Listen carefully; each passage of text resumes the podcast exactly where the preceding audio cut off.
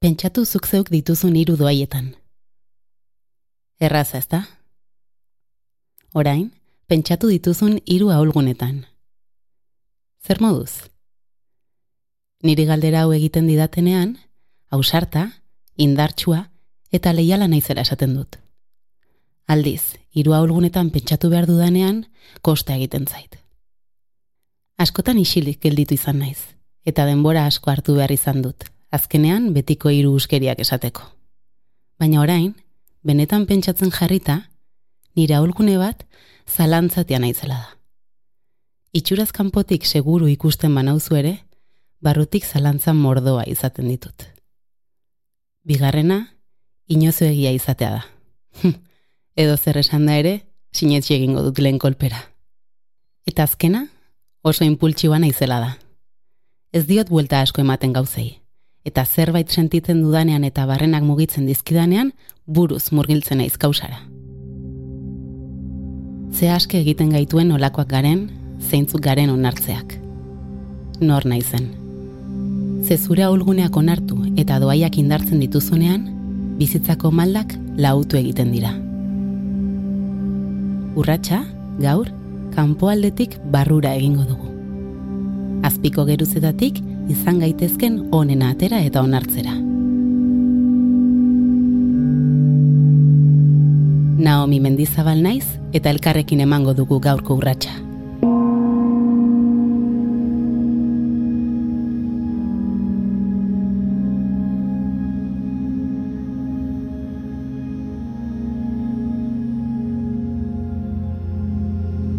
Utzi zure begiak isten lasai eta mantendu itxita saio guztian zehar. Sentitu zure ingurua, zauden lekua. Egin barne ikus mira bat, zauden lekuaren inguruan. Lau hormak. Sabaia. Lurra zure gorputza, bertan etzanda edo eserita. Sentitu postura eroso batean zaudela. Egin behar dituzun mugimendu guztiak eroso egoteko. Zure lekua topatzeko. Oso garrantzitsua da eroso egotea. Erlaxatuta mugitzen baldin bazabiltza, saioan zehar lortu duzun erlaxazio egoera etengo duzu. Beraz, hartu denbora bat, zure gorputza eroso eta lasa izantitzeko.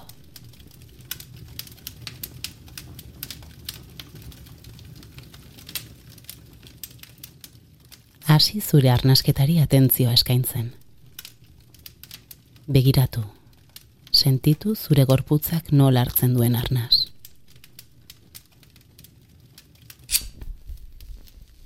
Imaginatu eskuen artean kandela bat duzula. Begiratu, sentitu kandela. Kandelak zu goxoa sortzen du, eta zu ari begira zaude. Kandelari putz egin behar diozu, baina ezin du bere sua guztiz galdu. Bestela, ilunpetan eta hotz geldituko baitzara. Sentitu nola geroz eta goxoago askatu aizea, orduan eta ederragoa den sua.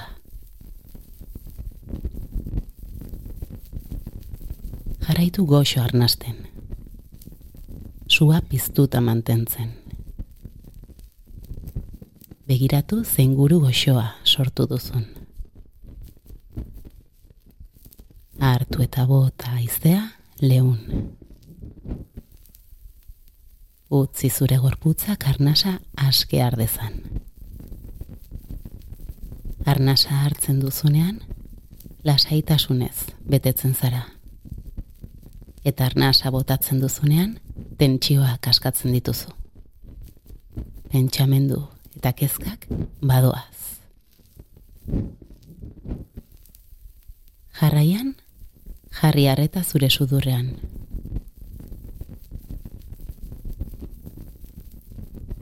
Jarraian, jarri arreta zure sudurrean. Asi sudurretik arna sartzen eta askatu haotik. Utzi haize den ateratzen. Saiatu beste behin. Hartu arnasa sudurretik eta askatu den dena otik. Sentitu, nola hoa eta matraia aske geratu diren. Azken saiak bat. Kontzentratu. Haua, Espainiak, eta matraia aske sentitzen. Eta utzi azken atxateratzen.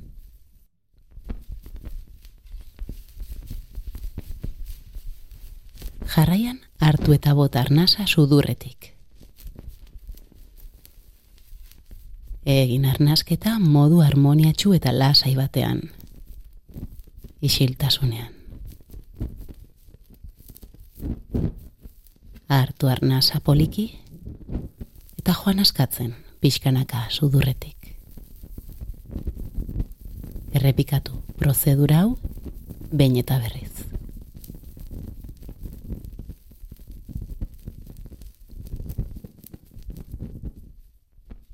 Zure gorputza erlaxatzeko, jarri harreta gorputzeko atal nagusietan. Sentitu. Oinak,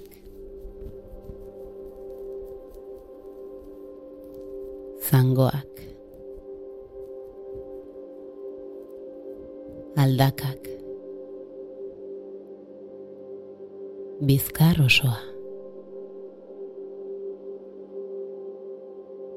Sabela bularra. Besoak. Eskuak. Eskutako atz bakoitza. Sorbaldak. Lepoa burua eta aurpegia. Begiak. Ahoa. Kopeta.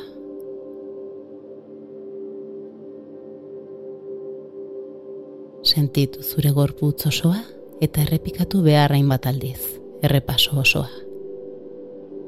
Gorputz osoko errepasoa oinetatik burura eta burutik oinetara.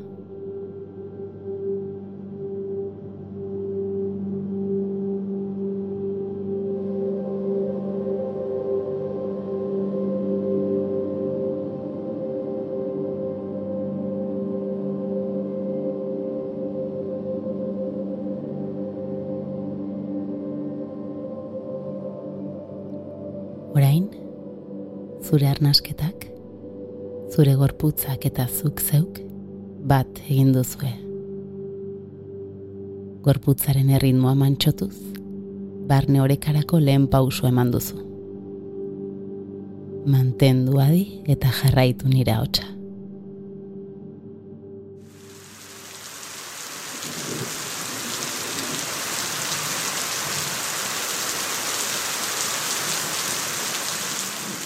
Egun euritxu bat da, eta zure logelan zaude. Zure logela txuri dago ordea. Utxik dago. Eta beraz, logela zure modura jartzeko baliabide guztiak dituzu. Nondik hasiko zara? Pentsatu ze kolorez margotuko dituzu normak. Eta ze altzari mota jarriko dituzu. Hasi imaginatzen ze aldaketa egingo zenizkiokeen zure logelari, zure leku sakratua milakatzeko. Ez izan beldurrik aldaketari. Aldaketak mugimendua sortzen du, eta bizitza etengabeko mugimendua da.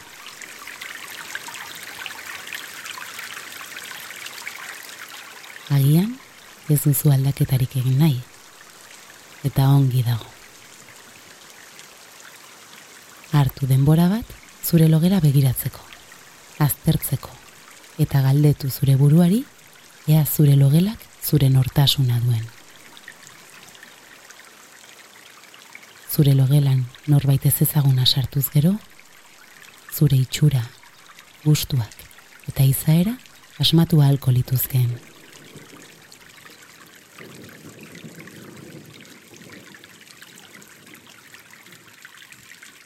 Bihurtu logela zure templua. Begiak itxi eta imaginatu zure logela. Zuk nahi duzun modura paindua eta osatua.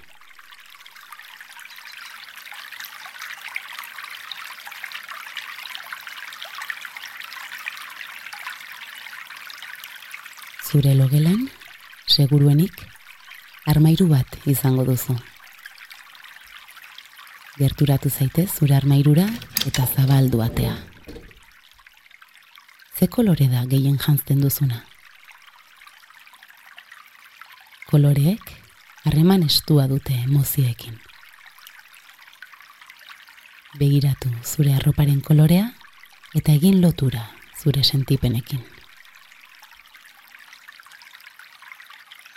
Oso garrantzitsua da, zuk zeuk aukeratzea zure jantziak.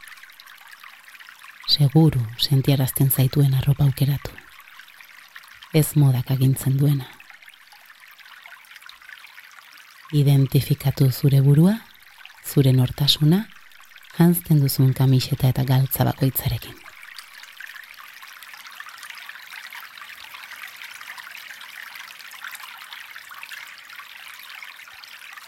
Artu lekutxo bat zure logelan lasai sentitzeko. Oea, aulkia, lurra, nahi duzun lekua izan daiteke, eta eseri zaitez bertan. Aztertu zure logela bertatik. Zuzaren erakusten aldu. Gustura eta onartua sentitzen alzara bertan. Pentsamendu hauetan murgildurik zaudela, zure begien aurrean guztin mordoa gertu da ukitu guztina. Begiratu guztina. Sentitu guztina. Atsegina da. Oso atsegina.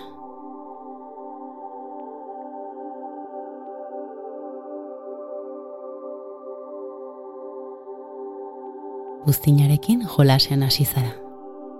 Atzen artean desegiten. Guztinak ez du ez formarik ez da energiarik ere. Beraz, hau izango da zure egin beharra. Buztina hartu eta forma ematea. Bizitza ematea.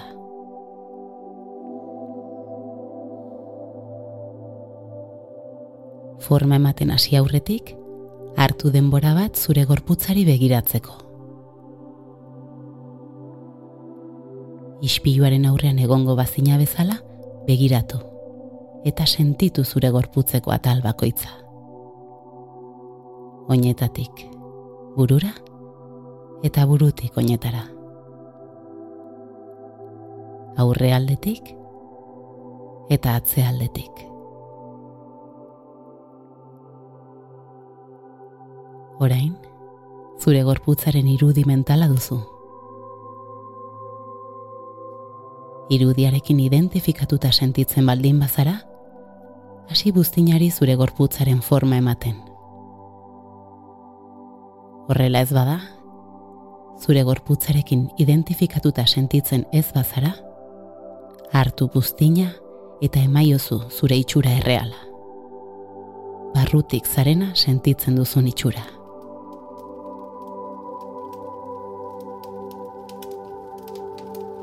Logelan zaude.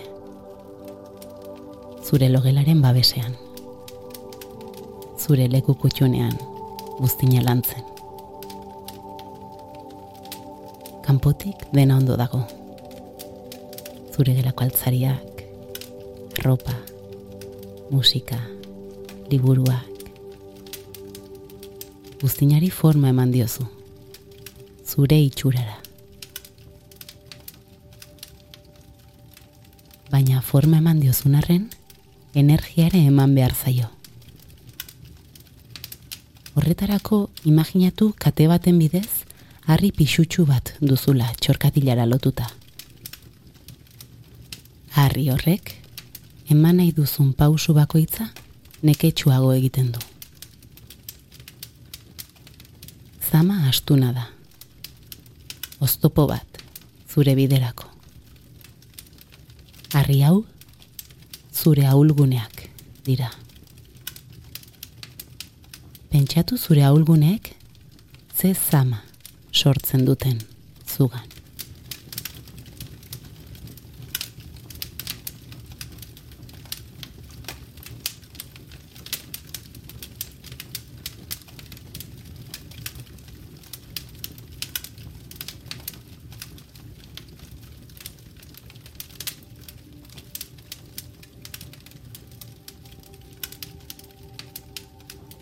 Bestalde, zure doaiak daude.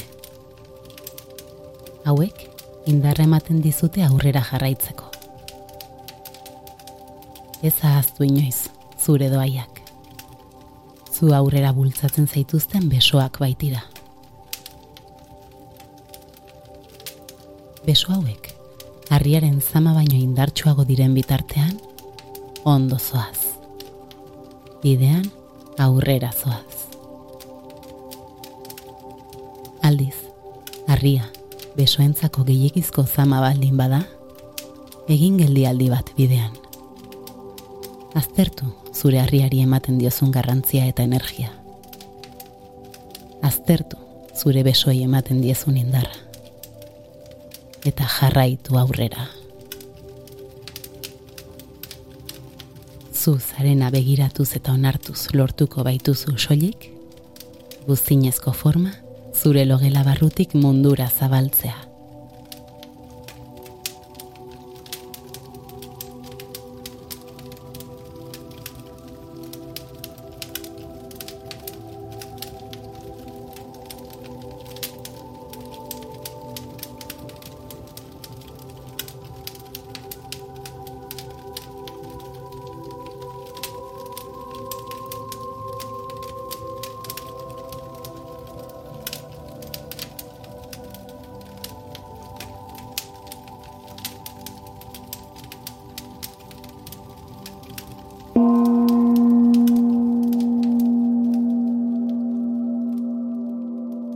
Naomi Mendizabal naiz eta urratsa da.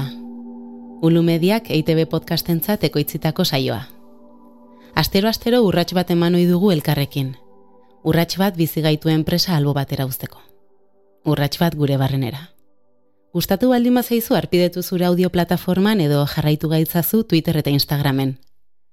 Lenaldia baduzu gogoratu saio gehiago dituzula eskuragarri. Eta txegin bazaizu eskertuko dizugu zure kideren bati gomendatzea urratsa jende gehiagoren gana urbiltzeko oso lagungarri zaigu. Besterik ez, zain duzu eta zure ingurukoak. Ei, txt, entzun hori. Ulu media.